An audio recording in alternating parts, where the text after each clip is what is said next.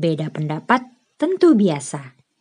Ada yang milih diam aja, ada juga yang suka angkat bicara, mengoreksi dan sepakat untuk tidak sepakat.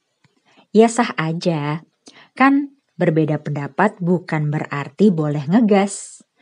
Tapi kalau posisinya kita lagi butuh bantuan seseorang, namun beliau berseberangan pendapat sama kita, mesti gimana? Diam aja, pura-pura setuju atau jelas-jelas mempertahankan pendapat kita. Zulkifli berkisah dalam podcast sama Manda tentang siasat berbisnis meski bertolak belakang dengan yang memberikan cuan.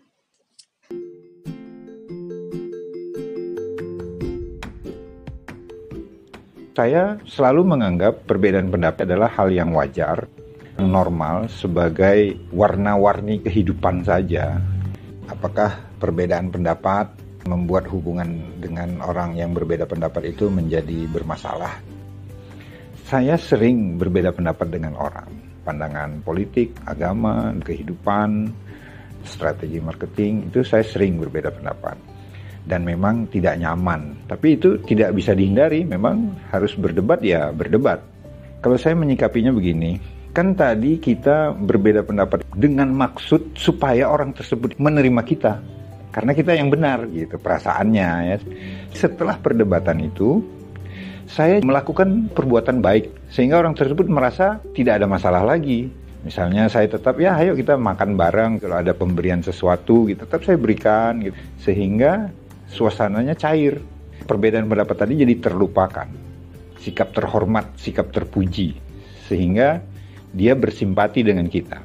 Binalah hubungan kita di sisi-sisi yang kita tidak berbeda pendapat dengan dia. Banyak hal lain yang sebenarnya kita sependapat, saling menguatkan.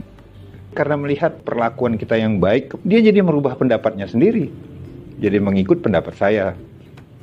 Jadi kita tidak mempertahankan suasana pertengkaran tadi, tidak perlu menjadi perpecahan. Perpecahan itu membuat kita lemah.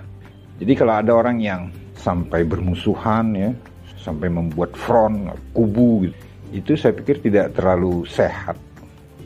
Setelah orang itu sependapat dengan kita, kita pakai tuh istilah orang Jawa, menang tanpa ngasoraki. Jangan mentang-mentang dia terus ikut kita, terus gitu, wah itu kan lu dulu nggak mau ikut gua. Kalau dia sudah berubah, anggap saja itu pendapatnya dia juga gitu, bukan hasil dari perdebatan dengan kita. Janganlah menang yang mengejek-ngejek orang lain. Menang itu anggap aja lah sebagai bahwa dia sudah berubah. Gitu. Ya. Namanya baik ya sama siapa aja ya. Bukan karena dia siapa, tapi lebih ke kita ini siapa. Kita orang baik, ya makanya baik sama orang. Beda itu pasti ada sama orang lain. Cari dong kesamaannya. Pasti kesamaan lebih banyak daripada perbedaan.